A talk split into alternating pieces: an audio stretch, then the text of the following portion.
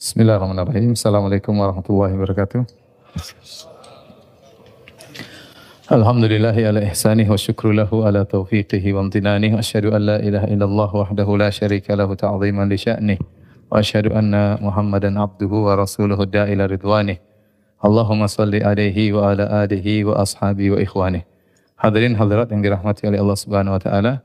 Kita lanjutkan bahasan kita dari Asirah Nabawiyah namun dalam beberapa pertemuan ke depan, dua kali atau tiga kali, kita akan bahas tentang uh, sejarah Yahudi ya. Karena setelah itu kita akan masuk dalam fase jihad ya di uh, kota Madinah, maka di antara musuh-musuh Islam adalah kaum Yahudi. Maka kita perlu mengenal orang-orang Yahudi uh, lebih dekat ya, bagaimana keyakinan mereka, bagaimana akhlak mereka agar kita waspada ya. Karena uh, Yahudi adalah bangsa yang sangat uh, luar biasa. Mereka telah dibasmi oleh Hitler ya sekitar tahun 60-an kalau tidak salah. Ya, sekarang belum 100 tahun mereka sudah bangkit kembali dan menguasai uh, dunia ya, menunjukkan hebatnya mereka karena antara uh, mereka dengan selain mereka tidak ada halal dan haram, semuanya halal ya.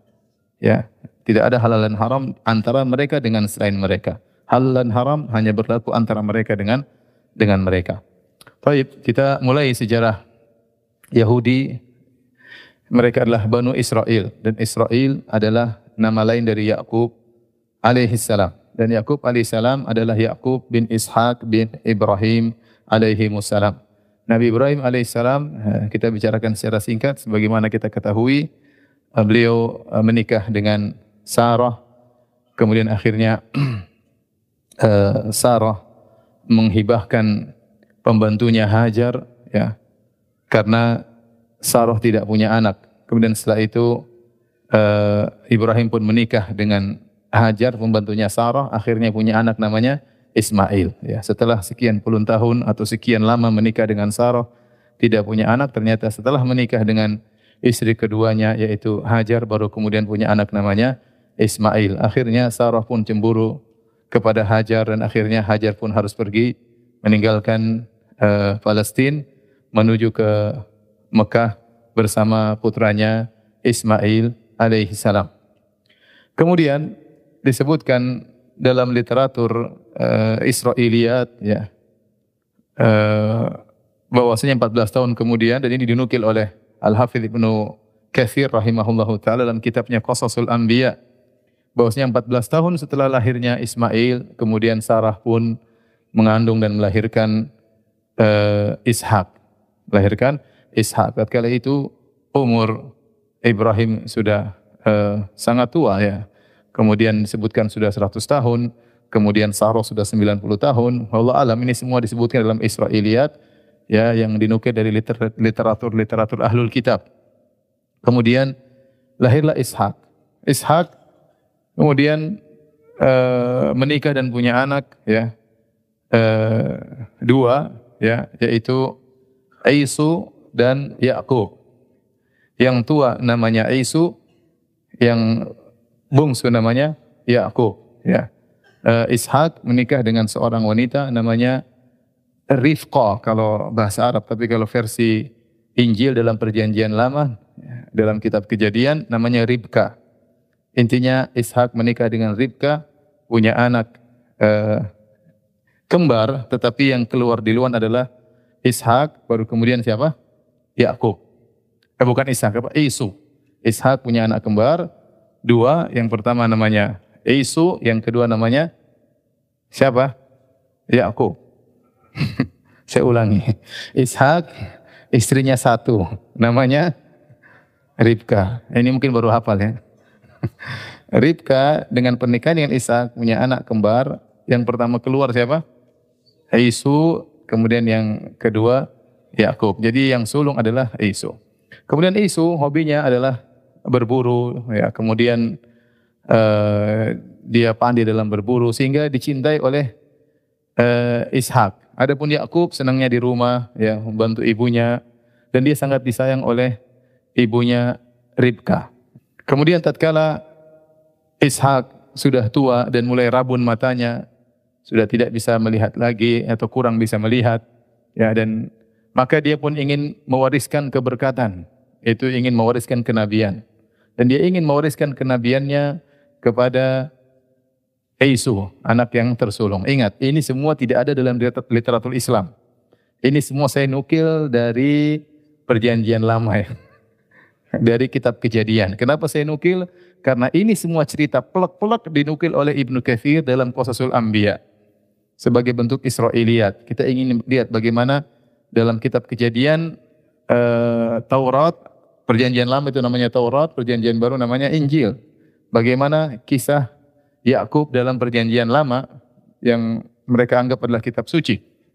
Nah, Akhirnya Ishak ingin mewariskan keberkatan kepada putra sulungnya Isu dan dia berkata kepada Isu, "Pergilah Isu kau berburu, kemudian uh, tangkaplah seekor kambing intinya dan masaklah buatku dan aku lagi ingin makan kambing tersebut. Nanti akan saya berkati engkau agar keberkatan turun semua kepadamu, maka keturunanmu akan menguasai dunia dan seluruhnya." Ya. Berangkatlah Isu ya ingin segera mendapatkan keberkatan maka dia harus uh, berburu kambing. Rupanya Ribka sang ibu sang ibu lebih sayang kepada Yakub. Sang ibu lebih sayang kepada Yakub. Maka sang ibu berkata kepada Yakub, "Wahai Yakub, sungguhnya kakak sulungmu Esau sedang pergi dan sebentar lagi bapakmu Ishak akan mewariskan keberkatan kepada kakakmu. Saya ingin keberkatan kepadamu. Maka sekarang ikutilah perintahku. Kau potonglah kambing milik kita yang kecil tersebut. Setelah itu kau aku akan masakkan makanan kesukaan bapakmu. Bapakmu kan nggak bisa melihat ya. Terus setelah itu kau datang ketemu bapakmu minta berkat. Seakan-akan kau adalah Isu. Kata Yakub, ya ibunda, tubuhku beda dengan Isu. Isu badannya berbulu, sedangkan aku tidak tidak berbulu ya. Kemudian suara juga beda. Kata ibunya jangan khawatir. Ya, kau nanti ketemu bapakmu pakai bajunya Isu. Pakai bajunya apa? Isu. Kemudian nanti masalah bulu gampang. Kita akan ambil bulu dari kambing kemudian dipasang di badanmu. Paham ya? Akhirnya Yakub alaihissalam setuju dengan uh, perkataan ibunya. Akhirnya dia pun segera potong kambing, kemudian dimasak oleh ibunya, kemudian dia pakai bajunya isu, kemudian dia datang taruh bulu Eh, domba atau kambing di badannya, lantas dia datang kepada ayahnya. Wahai ayahanda, ini aku sudah tiba. Membawa makanan yang kau sukai. Kata Ishak yang sudah tidak bisa melihat lagi. Kok cepat sekali? Eh, kau sudah cepat, iya ini ayah sudah siap. Ayahnya heran. Ya. Kau isu, iya. Kemudian coba dekat kepada aku, maka dipeluklah eh, Yakub oleh bapaknya Ishak, dipegang badannya berbulu, ya bau bajunya, iya ini bau ini adalah bau bajang bau apa padang pasir karena isu sukanya ke padang pasir apa? berburu. Tapi bapaknya heran. Belum badanmu, bajumu, baju isu, tetapi suaramu suara Yakub. Aku adalah isu. Ya. Ya sudah, akhirnya bapaknya makan, bapaknya doain keberkatan, keberkatan.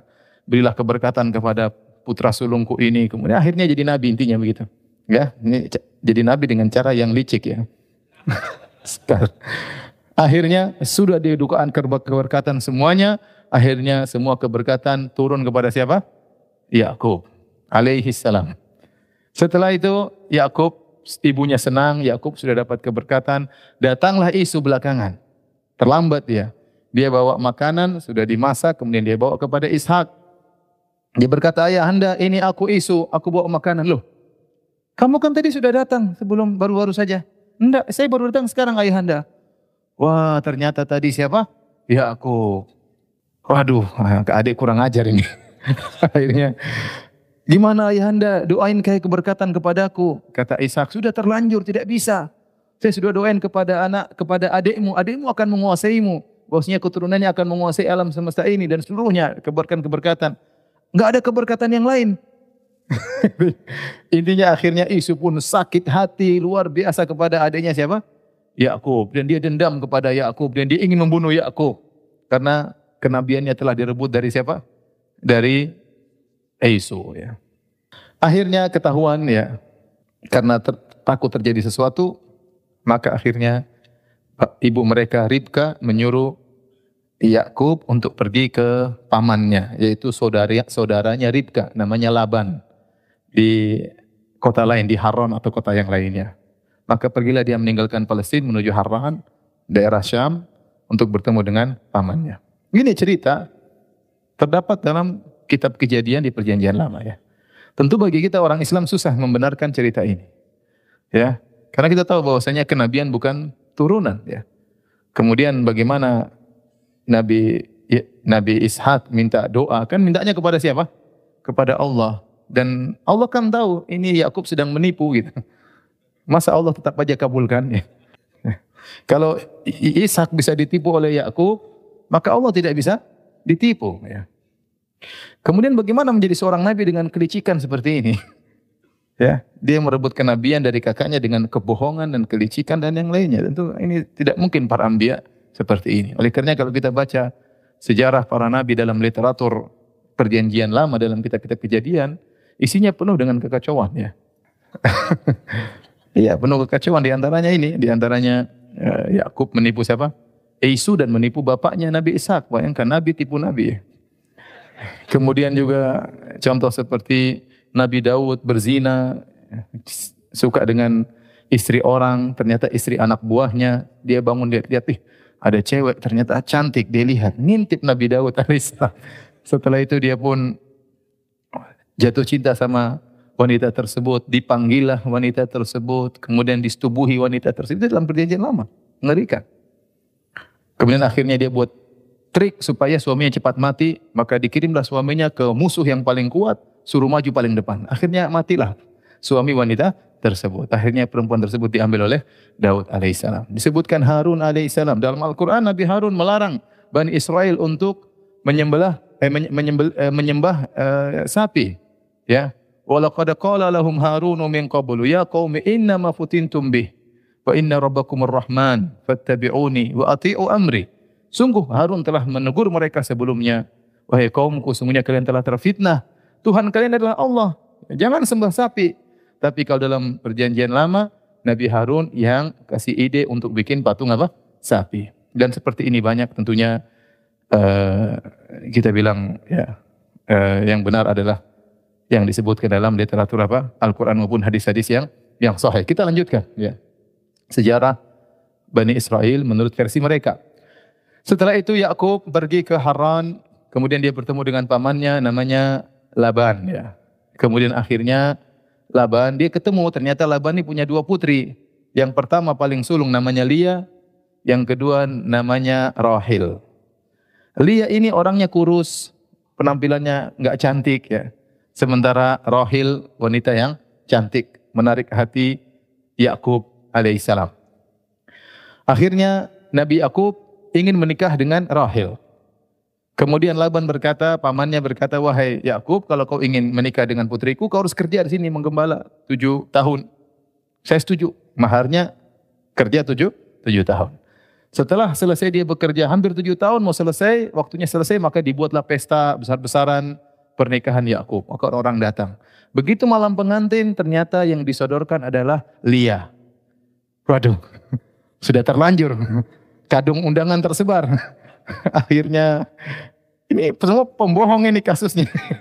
Akhirnya Yakub menikah dengan siapa? Lia. Rokmaan fihi terpaksa mau tidak mau dia nikah dengan siapa? Lia. Terus dia marah sama pamannya. Wahai paman, kita kan dulu perjanjian buat Rahil, kenapa aku kasih Lia? Kata pamannya, nggak mungkin adat kita, masa adik nikah dulu baru apa? Kakak. Ya kakaknya dulu deh. Kalau kau mau sama adiknya, kerja lagi tujuh tahun. Iya, siap. Akhirnya Yakub kerja lagi tujuh tahun. Ini dalam perjanjian lama ya, nanti anda bisa cek kitab kejadian. Akhirnya uh, Yakub kerja lagi apa? Tujuh tahun. Setelah tujuh tahun baru kemudian dia nikah dengan Rohil. Dan dalam syariat mereka menurut perjanjian lama boleh menikah dengan kakak beradik ya. Jadi istri pertama Lia, istri kedua siapa? Rohil. Dalam pernikahan tersebut ya akhirnya Allah mengurangi menutup kekurangannya Lia yang yang mungkin buruk rupa dan kurus akhirnya punya anak punya anak eh, apa namanya beberapa anak ya dari yang tua namanya eh, apa namanya Rebon atau siapa. Nanti akan sebutkan nama-namanya. Saya tidak hafal nama-namanya, agak susah ya. Intinya Lia punya beberapa anak laki-laki. Akhirnya Rohil cemburu. Rohil ternyata mandul nggak bisa punya anak. Sudah lama nikah nggak punya anak. Akhirnya Rohil punya budak wanita jariah. Namanya Hibla atau ya Hibla ya uh, Hilba Hilba. Uh, adapun uh, Lia punya budak perempuan namanya Zilfa. Ya, kalau kita Zulfa mereka bilang apa? Zilfa. Ya. Akhirnya karena Rohil tidak bisa punya anak, maka dia hadiahkan budaknya kepada Yakub. Akhirnya Yakub nikahi punya anak dari budaknya, dari Hilba tersebut punya anak. Ya. Kemudian akhirnya Lia cemburu, dia kasih lagi budaknya, Zilfa. Akhirnya nikahi lagi punya anak lagi. Berarti Yakub ini punya anak dari empat orang wanita. Ya, paham? Antum dari berapa? Satu ya. Yakub dari empat. Ya. Pertama siapa? Lia, kemudian Rohil, kemudian Hilba, kemudian Zilfa. Rohil belakangan. Ternyata kemudian dia punya anak namanya Yusuf. Kemudian lama, kemudian lama-lama akhirnya punya anak lagi namanya Binyamin. Ya. Jadi saya akan sebutkan nama-nama 12 anak lelaki Yakub dari empat wanita yang dia gauli atau dia nikahi ya. Catat ya, anak-anak Lia namanya Ruben, nomor satu. Kemudian Simeon, yang kedua. Kemudian Lewi, ketiga. Kemudian Yehuda atau Yahuda, itu asal nama Yahudi sebagai nama berpendapat dari anak yang ke tiga inilah atau keempat Yahuda inilah asal muasal nama Yahuda. Yehude kalau dalam kitab Injil disebut Yehuda. Kemudian Isakhar, keberapa itu? Keempat ya. Kelima, kemudian Zebulon. Keberapa? Keenam. Anak-anak Rahil adalah Yusuf dan Binyamin. Berapa itu? Anak-anak Bilha, budak perempuan Rahil adalah Dan serta Naftali. Namanya kalau di itu Dana, tapi di sini Dan dan Naftali. Dan serta Naftali. Berapa dan berapa? Sepuluh ya, ya. Sepuluh. Kemudian dari Zilpa, Zilfa atau Zulfa, budak perempuannya Lea adalah Gad dan Asher. Berapa? 12. Sudah hafal? Coba. Ribon, siapa? Samun, kemudian Reblon, kemudian dunia itulah. Inilah 12 orang putra-putranya Yakub yang semua Bani Israel Yahudi kembali kepada 12 orang ini. Ya, makanya disebut Banu Israel artinya anak-anak laki-lakinya Israel. Ada 12 orang. Dari 12 orang inilah muncul 12 suku besar dari kelompok Yahudi. Semua orang Yahudi bermuara kepada 12 putra Israel. Maka mereka disebut dengan Banu Israel. Ya. Tapi intinya ini literatur cuma kita dapatkan di uh, literatur Israiliyat, ahlul kitab, adapun dalam literatur Islam enggak ada ini semuanya. Ya, namun sebagian ulama menukil seperti Al-Hafidh Nukathir rahimahullah ta'ala dalam kitabnya Qasal Anbiya dan juga ulama-ulama yang dalam tafsir dalam tafsir mereka. Nah, mulailah yang sampai kepada kita cuma mulai dari kisah Nabi Yusuf alaihissalam yang Allah abadikan dalam sebuah surat yang sangat yang panjang namanya surat Yusuf. Ya. Dan ini menjelaskan bagaimana akhirnya Bani Israel berpindah dari Palestina menuju Mesir. Allah sebutkan tentang kisah Nabi Yusuf. Tatkala mereka semua sudah besar, ya ternyata is, uh, namanya Yakub sangat sayang kepada Yusuf alaihissalam. Terutama uh, Yusuf alaihissalam ternyata bermimpi. Dia kabarkan kepada ayahnya, Inni ra'aitu ahada asyara kawkaba wa syamsa wal qamara ra'aituhum li sajidin. Ya, wahai ayahanda, aku melihat dalam mimpiku bahwasanya matahari, rembulan dan sebelas bintang sujud kepadaku. Ini mimpi yang dahsyat. Berarti rembulan, matahari dan sebelas bintang akan tunduk kepada Eh, Yusuf alaihissalam. Dan ternyata ditakwilkan di kemudian hari, ternyata yang dimaksud rembulan adalah Yakub, matahari adalah ibunya, ya kemudian sebelas bintang adalah saudara-saudaranya, ya. Reblon dan kawan-kawannya. Akhirnya ayahnya tahu, dia berkata, "Ya bunayya la takhusur uyaka ala ikhwatika, fayakidu laka kaida." Wahai anakku, jangan kau ceritakan kisah ini kepada saudara-saudaramu, mereka akan hasad kepadamu. Kalau sudah hasad mereka akan buat makar kepadamu. Jadi saya sering sampaikan dalil bahwasanya Seorang kalau dapat nikmat, tidak semua nikmat harus dia ceritakan kepada orang lain. Tidak semua nikmat harus dia pamerkan di Instagram. Tidak semua nikmat dia harus pamerkan di di YouTube atau di uh, Facebook ya dan yang lainnya. Karena tidak semua orang bisa kuat melihat kenikmatan tersebut. Betapa banyak wanita memamerkan suaminya. Sementara wanita-wanita lain mungkin suaminya tidak sayang seperti suami dia tersebut. Dia gandengan sama suaminya, pelukan sama suaminya, kemudian dia masukkan ke Instagram atau di Facebook. Akhirnya banyak akhwat yang lihat sedih. Kenapa? Karena tidak pernah dipeluk oleh suami. Akhirnya lama-lama tertarik. Boleh juga suami akhwat itu. Kita boleh daftar. Ya. Oleh karenanya tidak semua kenikmatan kita tampakkan. Ya. Makanya saya selalu ingat nasihat Syekh Asyatri. Dia bilang kalau orang tanya sama engkau, misalnya ditanya, rumahmu ada berapa? Enggak usah kau jawab. Mobilmu ada berapa? Jangan kau jawab. Kenapa? Kalau kau jujur, kau katakan rumahmu banyak, dia akan hasad. Kalau kau bilang rumahmu masih kontrak, dia akan menghina. Mending gak usah jawab. Bilang aja dengan global, Alhamdulillah. Allah sudah beri kenikmatan kepada saya. Alhamdulillah saya punya tempat tinggal. Tidak usah dijelaskan secara terperinci. Nah, sebagian orang pamer, saya punya ini, saya punya ini, saya punya ini. Akhirnya orang jadi hasad dan dengki. Jangankan kepada orang jauh, kepada orang dekat saja ya masalah. Yusuf tidak boleh cerita kepada saudara-saudara kandungnya. Ya. Kata para ulama, Allah surat Yusuf ini surat Makkiyah, turun di Mekah. Allah ingin memberi tasliyah, yaitu hiburan kepada Nabi Muhammad SAW. Bosnya engkau wahai Muhammad, engkau dimusuhi oleh kaum Quraisy yang itu sukumu sendiri. Kau dimusuhi oleh, dimusuhi oleh pamanmu. Maka sudah dahulu sebelum engkau, Yusuf dimusuhi oleh apa? Saudara-saudaranya, kakak-kakaknya. Yang harusnya kakak-kakaknya bela dia malah memusuhi dia. Akhirnya uh, kemudian meskipun Yusuf tidak cerita, namun akhirnya saudara-saudaranya Yahud, Yahuda, Riblon, Samun, ya, Lewi dan lain-lainnya pada cemburu kepada Yusuf. Akhirnya mereka bermusyawarah. Ya. Mereka berkata, La Yusuf wa akhuhu ahabbu ila abina minna wa nahnu usbah. Inna abana la fi dhalalim mubin. Sungguh Yusuf dan saudaranya si Binyamin sangat disayang oleh bapak kita. Yakub alaihissalam. Sungguhnya bapak kita dalam kesesatan yang nyata. Padahal bapaknya Nabi. Padahal bapaknya apa? Nabi. Akhirnya mereka saking cemburu, hasad mereka berkata, Ukutulu Yusuf. Kita bunuh saja si Yusuf. Hmm. Atau pilihan kedua, awit rahuhu arba yakhlulakum waju abikum. Kalau enggak dibunuh, kita buang ke tempat yang jauh. Sehingga bapak kita enggak pernah lihat dia. Ya. Kalau sudah bapak kita nggak pernah lihat dia, akhirnya bapak kita akan lihat kita. Dan bapak kita akan konsen sayang kepada kita. Wa takunu min ba'di min ba'dihi qauman salihin.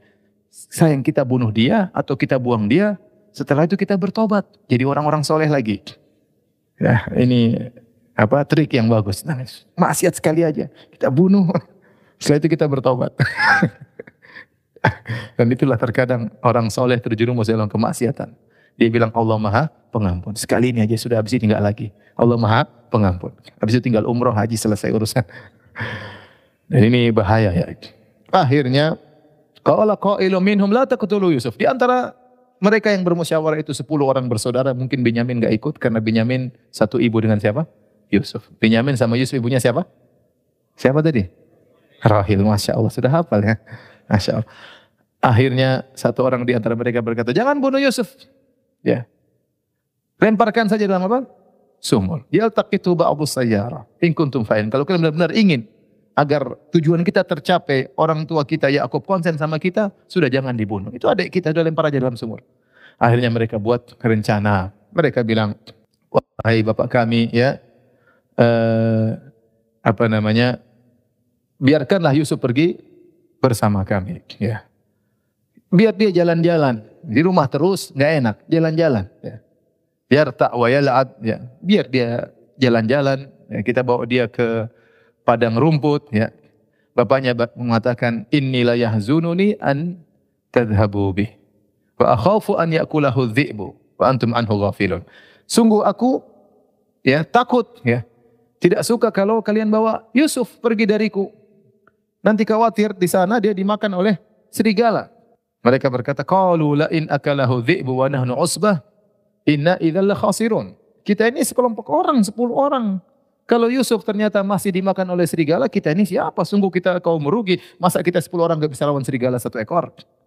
Akhirnya bapaknya setuju. Ya. Bapaknya setuju. Ini menunjukkan bagaimana Yakub sangat sayang kepada siapa? Yusuf alaihissalam. Akhirnya mereka pun pergi membawa Yusuf. Kata mereka, sungguh kami akan menginginkan kebaikan bagi adik kami. Mereka bawa wa ajmau ayyaj'alu fi ghayabatil jubbi. Kemudian mereka lemparkan Yusuf dalam sumur. Wa auhayna ilaihi latunabbi'annahum bi amrihim hadza wa hum la yash'urun. Waktu Nabi Yusuf dilemparkan masih kecil dilemparkan dalam sumur, maka Allah langsung mewahyukan kepada Nabi Yusuf, Suatu hari kau akan mengabarkan kepada mereka tentang kejadian yang mereka lakukan ini sementara mereka tidak sadar. Ada waktunya nanti. Ya. Artinya Allah beri kabar gembira kau akan selamat dan suatu hari kau akan mengabarkan hal ini kembali kepada kepada kakak-kakakmu. Akhirnya sudah lempar dalam sumur, Wajahat sayyaratun fa arsalu waridahum fa dalwah. Tiba-tiba ada orang musafir lewat. Kemudian mengambil air di sumur, kasih masuk timba, tahu-tahu timbanya ditahan oleh apa? Yusuf. Pas diangkat, qalu ya busyra hada gulam. Ada budak lepas di sini. Ya, mumpung kita bisa jadikan apa? Budak. Kita bawa pergi jadi pekerja ya. Bukannya kasihan ini nak siapa, enggak. Ada budak ini jadi pekerja baru. Tatkala mereka mau ngambil Yusuf, kakak-kakaknya datang. Heh, itu budak kami yang lepas. Kalau mau beli. Fasyarahu bithamanin bakhsin darahima ma'dudah. Akhirnya Yusuf dibeli, duitnya diambil oleh kakak-kakaknya. Ya, enggak apa-apa, murah enggak apa-apa, yang penting bawa pergi. Akhirnya Yusuf dibawa pergi. Kemudian kakak-kakaknya waja'u abahum isya'ya bukun, maka pulang malam-malam, tunggu malam dikit. Biar biar dram, apa dramatis ya. Kemudian pulang nangis. Nangis rame-rame. Rame-rame 10 orang nangis. Qalu ya abana inna dhahabna nastabiqu wa tarakna Yusuf 'inda mata'ina fa akalahu dhi'bu. Wa ma anta bimu'minin lana walau kunna sadiqin. Perkataan yang sangat indah. Wahai ayahanda, kami tadi pergi bawa Yusuf, kemudian kami berlomba, lomba panah, lomba lari. Kami biarkan Yusuf biar main sendiri. Kami masih kecil, tidak bisa ikut lomba lari sama kami. Tiba-tiba dimakan oleh apa? Serigala. Ya. Namun sepertinya kau tidak akan percaya sama kami. Nangis, nangis. Nangis beneran. Makanya mereka datang malam-malam supaya seakan-akan ada kejadian baru. Padahal Yusuf sudah hilang dari sore. Tapi mereka pura-pura terlambat supaya kondisinya benar-benar memperdaya ayah mereka. Waja'u uh, apa namanya bidamin kezib. Waja'u ala komisihi bidamin kezib. Kemudian mereka bawakan baju Nabi Yusuf penuh dengan darah. Ya. Ketika Nabi Yakub melihat ini semua, dia mengatakan, "Qala bal sawwalat lakum anfusukum amra." fasabrun jamil. Kata dia kalian telah terbawa oleh nafsu kalian. Nabi Yakub tidak percaya dengan semua drama ini. Meskipun nangis. Jadi nanti jangan terlalu percaya sama orang nangis. Orang nangis belum tentu benar ya. Sebagian orang pintar main drama ya. Jangan terpaca, jangan terpedaya dengan indahnya perkataan. Sebagian orang bisa menutup kebatilan dengan indahnya perkataan. Kenapa Nabi Yakub tidak membenarkan kakak-kakaknya Yusuf tentang kabar kematian Yusuf? Ada beberapa hal. Yang pertama Nabi Yakub sudah diceritakan oleh Yusuf bahwasanya matahari, rembulan, sebelas bintang akan sujud kepada siapa? Yusuf. Ini menunjukkan Yusuf suatu hari akan menjadi orang besar. Bagaimana masih kecil sudah meninggal dunia? Ini di antara dalilnya Nabi Yakub mendustakan perkataan mereka. Yang kedua, ternyata waktu didatangkan baju Nabi Yusuf, ternyata bajunya penuh darah tapi tidak teracak-acak, tidak robek-robek. Apa ada serigala baik makan sambil tidak mengacak-acak Nabi Yusuf. Harusnya kan bekas garukan, bekas cakaran. Harusnya bajunya. Ini menunjukkan korina indikasi menunjukkan mereka berbohong. Tetapi apa kata Yakub alaihissalam? Fasabrun jamil. Sabar yang jamil, yang indah. Kenapa kata para ulama? Dia tahu tidak mungkin kembali Yusuf. Dia nggak mungkin maksa kakak-kakaknya untuk kembalikan Yusuf. Karena mereka sudah sepakat untuk berdusta, untuk membohongi bapaknya Yakub alaihissalam. Ini dalil terkadang seorang soleh diuji dengan anak-anak yang tidak beres. Ya, Nabi Yakub itu nabi yang paling mulia di zaman tersebut. Hamba Allah yang paling dicintai oleh Allah di zaman itu adalah Yakub alaihissalam. Bukan Yakub tadi yang bohong-bohong ya enggak. Ini Yakub versi Islam sekarang. Ini hamba yang paling dicintai oleh Allah Subhanahu wa taala. Tetapi Allah uji dia ternyata di antara anak-anaknya ada yang soleh seperti Yusuf alaihissalam dan ada yang brengsek 10 orang yang yang ternyata uh, menipu ayah mereka padahal ayah mereka nabi ya, nekat nipu nabi ya. ya. Tapi kata Yakub, fasabrun jamil, kesabaran yang penuh keindahan. Allah sebutkan dalam Al-Qur'an ada sabrun jamil. Fasfahi safhal jamil. Hajran jamila. Allah sebutkan safhan jamilan, safhal jamil, kemudian hajran jamila, kemudian sabran sabrun jamil. Sabrun jamil, sabar yang indah maksudnya apa? Kesabaran yang tidak disertai dengan syakwa mengeluh kepada orang lain. Dia hanya mengeluh kepada Allah. Itu namanya sabrul jamil. Anda boleh dapat penderitaan, Anda boleh sengsara, tapi Anda tidak mengeluhkan kepada manusia. Adapun Anda mengeluhkan kepada Allah, itu yang dituntut. Anda melepaskan semua keluhan Anda kepada Allah, itulah sabrun jamil. Sebagaimana perkataan Nabi Yakub nanti dia mengatakan, ya, innama ashku bathi wa husni ilallah. Sungguhnya aku hanya menyampaikan kesedihanku kepada Allah. Itulah asabrul al-jamil. Adapun uh, hajran jamilan meninggalkan dengan meninggalkan yang baik itu meninggalkan tanpa memberi gangguan. Tanpa memberi gangguan. Kita mungkin ada orang ganggu kita, kita tinggalkan dia tanpa harus membalas. Kalau kita balas bukan hajrun jamil. Ya. Kemudian uh, safhal jamil. As-safhal jamil yang memaafkan dengan al-jamil dengan memaafkan yang baik adalah memaafkan tanpa itab, tanpa mencela. Tidak mengatakan ente memang kurang ajar, ente brengsek, tapi saya maafkan. Itu bukan Asoful jamil. Asoful jamil, ya saya maafkan. Selesai. Tidak komentar, tidak mencela, nasihat boleh. Tapi tidak mencela. Ya. Itu namanya asoful jamil. Kalau seorang bisa berhias dengan tiga akhlak mulia ini, asabrul jamil, asoful jamil, sama al-hajrul al-jamil.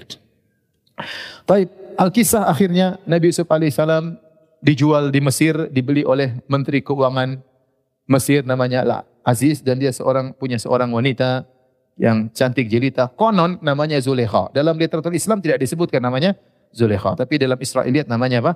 Zulekha. Ya. Kalau kita jadi Zulekha. Kalau versi mereka mungkin Julia. Mungkin ya. ya. Allah alam. Saya nggak tahu ya. Intinya Zulekha ini akhirnya Yusuf dirawat oleh mereka di keluarga tersebut. Keluarga kaya raya. Kata sang menteri, asa an yang fa'ana au nattakhidahu walada rawat dia baik-baik, masih kecil. Siapa tahu nanti kalau besar bermanfaat bagi kita atau kita angkat dia menjadi anak angkat. Kebetulan mereka tidak punya anak. Akhirnya Yusuf alaihissalam tumbuh berkembang di rumah tersebut. Tiba-tiba dia menjadi orang yang lain sendiri, gagah, ganteng, ya, e, beda dengan orang-orang setempat. Orang setempat di Mesir suku Akbar, suku Kipti. Ya, Yusuf dari bani Israel. Maka tumbuhlah dia menjadi seorang laki yang sangat ganteng, ya, sangat gagah luar biasa. Akhirnya si Zulekha ini tertarik sama Yusuf. Mulailah kemudian dia merayu Yusuf yang Allah sebutkan dalam Al-Quran. وراودته التي هو في بيتي عن نفسه وغلقت الأبواب وقالت هيت لك قال معاذ الله إنه ربي أحسن مثواي إنه لا يفلح الظالمون Akhirnya suatu hari Zulekha kemudian menjebak Yusuf dalam kamar. Semua pintu sudah dikunci. Pintu satu, pintu dua, pintu tiga. Semua pintu dikunci. Ya. ini, ya kayaknya kamarnya paling dalam, semua sudah dikunci. Setelah itu dia berhias badannya dengan indah. Kemudian dia berkata, Hai talat, wahai Yusuf, kemarilah. Ya. ya.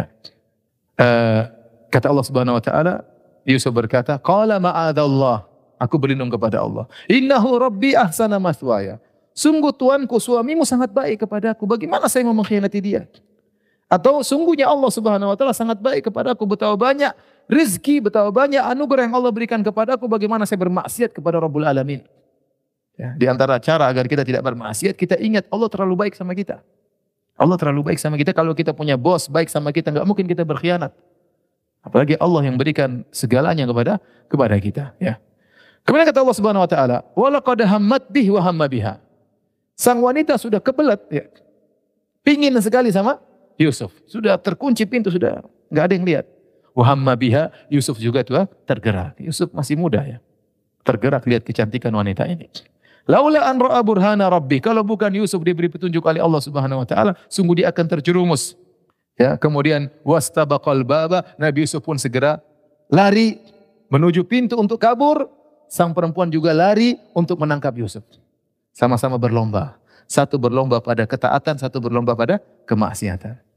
Satu berlomba ingin selamat dari zina, satu berlomba untuk melakukan apa? Zina. Wa qaddat qamisahu min duburin. Kemudian sang wanita narik baju Yusuf dari belakang. Fa'al faya sayyidah haladal bab. Tiba-tiba buka pintu, ternyata suaminya sudah di situ. Suaminya juga punya pintu serif. Eh, kunci apa? Kunci serif. Teng, teng, teng, teng, teng, tiba di situ. Subhanallah. Inilah uh, apa kehebatan siapa? Yusuf alaihissalam ya digoda dengan ujian yang luar biasa sampai Ibnu Qayyim menyebutkan 10 ujian yang dihadapi oleh Nabi Yusuf alaihissalam yang sudah saya sampaikan dalam pengajian-pengajian saya yang lain. Intinya ini ujian yang sangat hebat. Ujian paling besar bagi laki adalah ujian apa? Perempuan, ujian wanita. Ya, mungkin seorang digoda dengan harta, dengan jabatan dia tidak tergoda, tapi digoda dengan wanita cantik maka dia tidak berkutik. Begitu ketemu begitu ketemu uh, sang suami, maka akhirnya Zulekha pintar ngomong. Dia mengatakan, ya, uh, apa yang kau lakukan ya kepada orang yang hendak melakukan keburukan kepada istrimu? Ya, ma jaza'u man arada bi ahlika su'an illa ayusjana au adzabun alim. Ini orang yang ingin berbuat keburukan kepada istrimu, tidak ada balasan yang pantas kecuali di penjara atau diberi adab yang pedih. Dan inilah hebatnya Zulekha. Dia pintar ya. Biasanya perempuan kalau sudah kejebak itu bingung ngomongnya. Ya, tetapi ternyata dia sudah kejebak, dia bisa langsung balikan fakta. Ini Yusuf kejar-kejar saya. Langsung bilang sama suaminya, ya. Ya, kebanyakan orang bingung kalau sudah apa? Ketangkap basah ya. Saya sering cerita ada orang dikisahkan ada orang ngambil apa? nyuri eh, kedondong di pohon, ketahuan sama yang punya pohon kedondong. Kamu ngapain? Cari layangan. Buat apa? Buat rujak katanya. Kalau itu cerita. Kalau ini sesungguhnya ada dulu di kampung saya. Kampung saya ada orang jam 3 malam lewat kampung ditangkap sama kawan-kawan. Eh, ini jam 3 ngapain di sini malam-malam? Lari pagi katanya. Digebukin sama kawan-kawan. Intinya ini Zulekho tidak. Dia ketahuan tapi dia bisa jawab dengan apa? Tenang ini Yusuf kurang ajar mau keburukan kepada istrimu kira istrimu kira-kira balasannya apa? Akhirnya Yusuf bela diri. Qala hiya rawadatni an nafsi. Dia yang rawi saya. Wa syahida syahidun min ahliya ternyata ada keluarga dari Zulaikha mengatakan in kana qamisu qudda min qubulin fasadaqat wa minul kadhibin. Lihat, baju terkoyak sisi mana? Kalau terkoyak sisi depan berarti Yusuf yang merayu, Zulaikha yang dorong-dorong. Berarti terkoyak bagian apa? Depan ya. Tapi kalau ingkar kaum Yusuf dubur, kalau ternyata terkoyak dari belakang, berarti Yusuf kabur, Zulaikha yang tarik-tarik. Falamma ra'a qamisahu qudda min duburin, tatkala dilihat ternyata yang koyak di belakang, qala innahu min kaidikun. Ini ternyata tipuanmu wahai istriku. Inna kaidakunna azim, sungguhnya tipuan wanita sangat agung ya. Akhirnya suami tersebut bilang Yusuf aritan hada, wahai Yusuf sudah lupakan. Dan engkau istriku wastaghfiri li dzambik, kau yang salah. Mohon ampun kepada dosamu. Innaki kunti minal khatiin. Sungguhnya kau yang telah melakukan kesalahan. Jadi menteri ini ingin berita hilang. Sebagian ahli tafsir mengatakan, kenapa suami ini tidak marah-marah sama istrinya? Disebutkan dalam Israiliyat, ini laki ternyata dia eh, apa namanya lemah sahwat, dia tidak bisa melayani apa istrinya. Maka wajar kalau dilihat istrinya kemudian tertarik sama lelaki sehingga dia tidak begitu marah sama istrinya. Bukan dia tidak punya kecemburuan tapi sudah dia tidak bisa apa-apa. Akhirnya dia ya sudahlah istriku minta maaf. Yusuf kau lupakan saja. Ingin isu tersebut hilang. Yang hadir Allah sebutkan dalam kisah tersebut hanya suami Zulekha, si Zulekha, Yusuf sama keluarga Zulekha. Tetapi ternyata tidak bisa ditutup. Namanya isu tersebar satu Mesir. Jadi buah bibir para wanita. Wa qala niswatun fil madinati imra'atul azizi turawidu an nafsi. Ibu-ibu pada ngobrol, ngerumpi. Itu istrinya menteri ngawur, masa naksir sama pembantunya. Ini omongan apa? Qada syaghafaha hubba. Sungguh sang Zulaikha ini sangat jatuh cinta kepada pembantunya. Innala naraha fi dhalalin mubin. Menurut kami itu Zulaikha sangat sesat. Falamma sami'at bi makrihinna Allah menamakan rapat mereka namanya makar. Makanya Allah mengatakan falamma sami'at bimakrihinna ternyata tatkala Zulaikha mendengar tentang makar ibu-ibu tersebut, jadi rupanya ibu-ibu ini ngobrol gitu, penasaran ingin lihat Yusuf. Kok bisa ini istri menteri yang cantik jelita naksir sama pembantunya? Ini siapa pembantunya ini? Ternyata mereka ngobrol gitu supaya diundang lihat apa? Yusuf ya. Pura-pura mencela ternyata ingin apa? Ingin tahu. Falamma sami'at bi makrihinna tatkala Zulaikha mendengar tentang makan mereka, arsalat ilaihinna wa atadat lahunna muttaka'a. Maka kemudian Zulaikha pun ngutus mereka untuk datang, diundang. Wa atadat lahunna mutaka, kemudian disiapin tempat-tempat untuk bertelekan.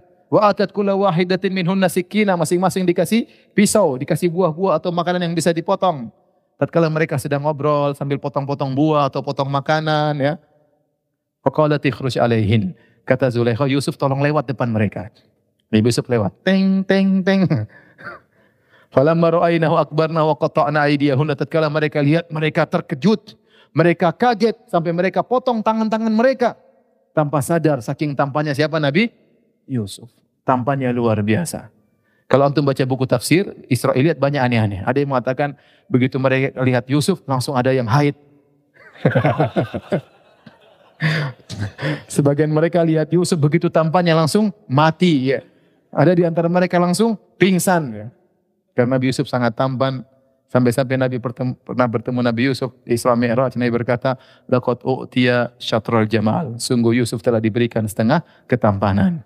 Antum nggak tahu seperberapanya. Tapi Yusuf alaihissalam setengah ketampanan untuk siapa Nabi? Nabi Yusuf alaihissalam. Qata'na aydiyahunna wa qulna hasya lillahi ma hadza basyara. Kata mereka, demi Allah ini bukan manusia. In hada illa malakun karim. Sungguh ini malaikat yang mulia. Saking apa? tampannya. Taib. Sampai sini aja ya. Kita lanjutkan nanti eh, dua depan, dua minggu lagi insya Allah Ta'ala. Silakan azan kalau ada yang bertanya saya persilakan. Mohon dibaca Pak Ustadz. Saya sangat butuh saran dari Pak Ustadz. Ini nanya serius ya. Dari rumah sudah diketik ya. saya punya istri, istri saya termasuk orang yang jarang update di Instagram. Namun sekalinya update, sering dikomen dengan temannya bahwa dia suka pamer. Bikin orang iri dan lain-lain. Padahal kalaupun update hanya pas ada momen-momen jalan-jalan ke kota mana gitu. Itu pun hanya sekali di setiap momen tersebut. Dan jarang juga saya mengajak jalan-jalan. Hehehe. Bahkan istri saya beberapa kali ditegur langsung di depan orang banyak dengan suara yang lumayan kencang. Padahal hanya update sepele dan tidak ada unsur pamer. Sepengetahuan istri saya, rekan-rekan yang lain tidak pernah ditegur seperti itu. Padahal sering banget update dan update-nya lebih parah, lebih parah pamernya. Apa yang harus saya sarankan kepada istri saya karena saya jengkel? Istri saya tipe orang yang lembut, nggak bisa dibentak-bentak. Namun malah diperlakukan seperti itu. Mohon nasihatnya Ustaz. Ya. Kalau nasihat saya sudah nggak usah update. Nggak usah update. Berarti ada yang memang menunggu-nunggu istri antum update untuk dikomentari. Ya. Kalau dia bilang yang lain kok tidak dikomentar, ya sudah orang masing-masing. Mungkin istri antum dihasati oleh banyak orang. Kita jangan buka pintu uh, problem ya. Kalau bisa tidak ada problem kan lebih indah hidup ini. Kalau kita tahu setiap update di Cibir, setiap update di Cibir, kenapa nekat update? Gak usah. Kalau enggak, bikin grup Instagram tertutup, orang-orang yang tidak suka nyibir. Ya yang teman-teman yang dekat ya sekedar apa namanya saling share di antara mereka, saling share kebahagiaan ya. Tapi saya katakan tadi tidak semua kebahagiaan harus kita share ya. Seperti ini apalagi sudah terbukti setiap share dituduh pamer lah, dituduh inilah. Padahal istri antum tidak pamer, cuma mau kasih lihat aja. Oleh karenanya, saya, saran saya ya udah bilang istri udah kalau begitu-begitu sudah nggak usah diupdate. Kalau update dalam grup tertutup teman-teman dekat yang tidak suka apa nyinyir itu lebih baik. Kalau memang ternyata setiap update di cibir, di nyinyir, mending nggak usah update ya, nggak usah update. Jadikan foto pribadi simpan di HP, nanti tinggal pamer ke suami, nggak apa-apa. Suami aja yang ngelihat ya, atau kawan-kawan dekat. Apa hukum membonceng wanita tua yang bukan mahram? Saya seorang pemuda 16 tahun. Karena nenek itu habis kena copet dan saya diminta mengantarnya sampai tujuan. Tidak apa-apa ini darurat. Jangankan nenek yang masih muda kalau darurat nggak apa-apa. Contoh misalnya ada perempuan cantik, tidak pakai jilbab, kesambar motor jatuh. Ente aduh gimana ini? Nggak usah diangkat itu. Tunggu mati dulu. Ya ente. Ente angkat saja. Astagfirullah bawa ke rumah sakit. Itu darurat ya akhi. Jangan bilang haram, kita haram, haram ya keburu mati. Ini tidak apa-apa, darurat nggak ada masalah ya. Coba dalam ada ada misalnya banjir atau apa kita tolong, kita pegang, kita peluk, kayak masalah darurat nggak ada masalah ya. Oh, bukan cuma antum, saya juga pernah begitu masalahnya. Waktu zaman dulu sekitar tahun 2003, 2004 tatkala lempar jamarot masih masih cuma dua lantai, lantai dasar, lantai satu. Itu orang banyak meninggal dunia. Ya, terkadang ibu harus kita pegang, harus kita peluk, harus kita tarik. Kalau enggak dia mati. Betul, aduh haram, haram, haram, haram, keburu mati. Ini darurat, darurat yang haram jadi halal ya. Ya, bahwasanya dengan kondisi darurat maka tidak mengapa. Jadi apa yang antum lakukan sudah benar. Terus nenek ini suruh tunggu ojek perempuan yang antar gitu maksudnya. Antum antar aja nggak ada masalah. Apakah boleh dua kali tawaf dalam satu safar? Tawaf berulang-ulang sebanyak-banyak dalam satu kali safar nggak ada masalah. Yang khilaf tentang masalah umroh berulang-ulang dalam satu safar. Ada khilaf di kalangan para para ulama. Saya lebih condong bahwasanya tidak dianjurkan umroh berulang-ulang dalam sekali safar karena bukan amalan para salaf. Ya bahkan uh, hadis yang masyhur dalam Sahih Bukhari dan yang lainnya tatkala Aisyah radhiyallahu taala anha hajian kemudian dia ternyata haid sehingga dia tidak bisa umroh, tidak bisa haji tamattu, tidak bisa umroh baru baru haji, akhirnya dia cuma haji aja ya. Setelah hajian maka Nabi izinkan dia untuk umroh karena dia belum umroh dalam safar tersebut. Akhirnya beliau umroh, Nabi menyuruh saudaranya Abdurrahman bin Abi Bakar radhiyallahu anhu untuk menemani Aisyah ke Tan'im, kemudian antar ke Masjidil Haram, tawaf dan selesaikan umrahnya. Ternyata Abdurrahman bin Abi Bakar radhiyallahu anhu menjalankan perintah Nabi sallallahu alaihi wasallam, dia tidak sekalian umrah. Dia hanya nganterin siapa?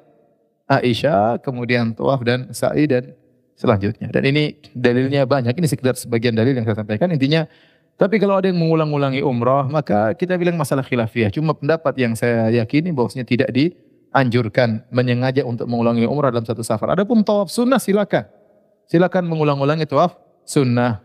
Apakah dunia ini diciptakan karena Allah menciptakan Nabi Muhammad SAW? Dengan kata lain Allah tidak akan menciptakan dunia jika Allah tidak menciptakan Nabi Muhammad SAW. Kita bilang ini akidah. Meyakini dunia tidak diciptakan kecuali karena Allah menciptakan Nabi. Mana dalilnya? Islam tidak boleh ngomong kecuali dengan apa? Dalil. Kalau nggak dalilnya nggak bisa. Adapun hadis laulaka laulaka ma khalaqtul aflak. Kalau bukan karena engkau Muhammad, kalau bukan karena engkau Muhammad aku tidak ciptakan alam semesta hadis palsu ya. Tidak bisa dijadikan akidah. Ya. ya. Apalagi berdosa atas nama Nabi Wasallam. Dan ini bertentangan dengan ayat kata Allah, "Wa ma khalaqtul jinna wal insa illa liya'budun." Aku ciptakan jadi manusia untuk beribadah kepada Aku. Tujuannya agar Allah ya memerintahkan makhluknya untuk bertauhid kepada Allah Subhanahu wa taala. Kita mengagungkan Nabi SAW, hamba yang paling dicintai oleh Allah Subhanahu wa taala. Tapi bukan berarti kecintaan kita kepada Nabi akhirnya kita membuat ya akidah-akidah yang tidak diajarkan oleh Rasulullah SAW. Kita berusaha senama Nabi SAW, yang namanya kita tidak cinta kepada kepada Nabi. Tidak menghargai Nabi. Sehingga kita membuat akidah yang tidak diajarkan oleh Nabi SAW. Kita melakukan ajaran yang tidak pernah dicontohkan Nabi SAW. Mana kita dikatakan ahlu sunnah. Sementara kita tidak mengerjakan sunnah, yang kita kerjakan bid'ah. Ya, kemudian kita jadikan bid'ah itu sebagai barometer benar atau sesat. Aneh. Aneh di zaman ini ada orang melakukan perbuatan yang dia tahu pun ini Nabi tidak melakukannya. Kemudian dia jadikan itu sebagai barometer untuk menentukan orang benar atau salah. Terus dia mengaku dirinya ahlu sunnah. Ya itu sunnah tuh bukan mana dalilnya, nggak ada dalilnya. Terus itu apa? Ya, ini bid'ah, itu bid'ah hasanah, ya sudah. Ahlul bid'ah hasanah. ya benar. Sunnah jelas, sunnah ada definisinya. Yang datang dari Nabi SAW, baik ajarannya, perkataannya, perbuatannya, itu anda bela mati-matian, silakan. Anda jadikan itu barometer. Cinta kepada Nabi atau tidak. Sunnah Nabi SAW. Adapun Anda buat sesuatu yang baru, kemudian Anda jadikan Anda lariskan ke masyarakat, kemudian Anda jadikan ini barometer mengukur orang benar atau salah. Dari mana barometer ini? Apakah Anda dikatakan mengagungkan Nabi sementara Anda seperti ini? Ya, Nabi tidak mengajarkan terus Anda mengatakan ini ajaran Nabi sallallahu alaihi wasallam. Tapi demikian saja kajian kita. Kita lanjutkan insyaallah dua pekan depan. Subhanakallah bihamdik, syadu ala ila anta Assalamualaikum warahmatullahi wabarakatuh.